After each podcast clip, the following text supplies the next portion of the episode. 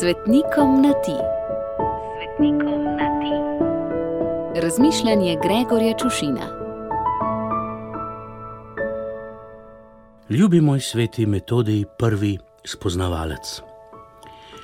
Kar malce nenavadno je, če pomislim, da si se vse svoje življenje ukvarjal in boril z ikonoklasti, z ljudmi, ki so razbijali ikone in svete podobe, čež da to ni v skladu z božjo zapovedjo, ki pravi: Ne delaj si rezane podobe in ničesar, kar bi imelo obliko tega, kar je zgoraj na nebu, spodaj na zemlji ali v vodah pod zemljo ne priklanjaj se jim in jim ne služi, ker ti jaz, Gospod, tvoj Bog, sem ljubosumen Bog, ki obiskujem krivdo očetov na sinovih, na tretjih in na četrtih, tistih, ki me sovražijo, to da izkazujem dobroto tisočem tistim, ki me ljubijo in izpolnjujejo moje zapovedi.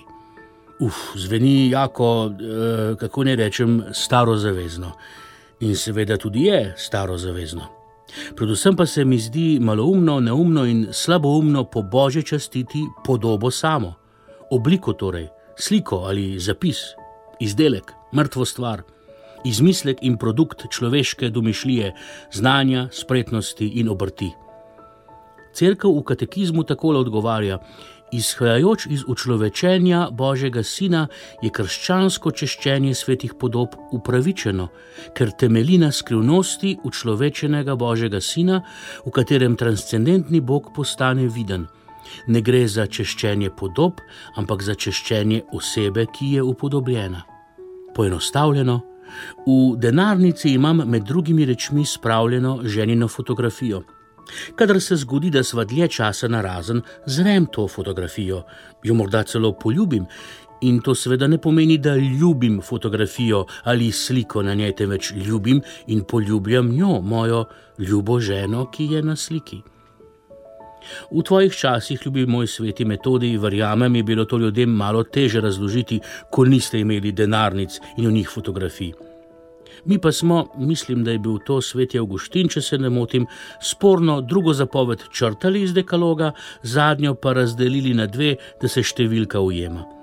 A tole z ikonami sploh ni hec in ni pozabljen hec. Se sem kar nekajkrat naletel na ljudi, ki bolj častijo in ljubijo kip kot pa Boga. Na ljudi, ki jim je od Boga pomembnejši način, na katerega ga častijo. Na bližnjega pa tako ali tako ne gledajo.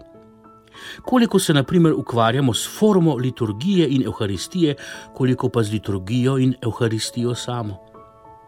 Še bolj resen pa postanem, ko pomislim, koliko krat se tudi sam ujamem, da se bolj ukvarjam s podobo kot z bistvom koliko bolj mi je pomembno, kaj ljudje vidijo na meni in kaj si o meni mislijo, kot pa to, kakšen sem v resnici. Kakšna je moja prava, od Boga zamišljena podoba?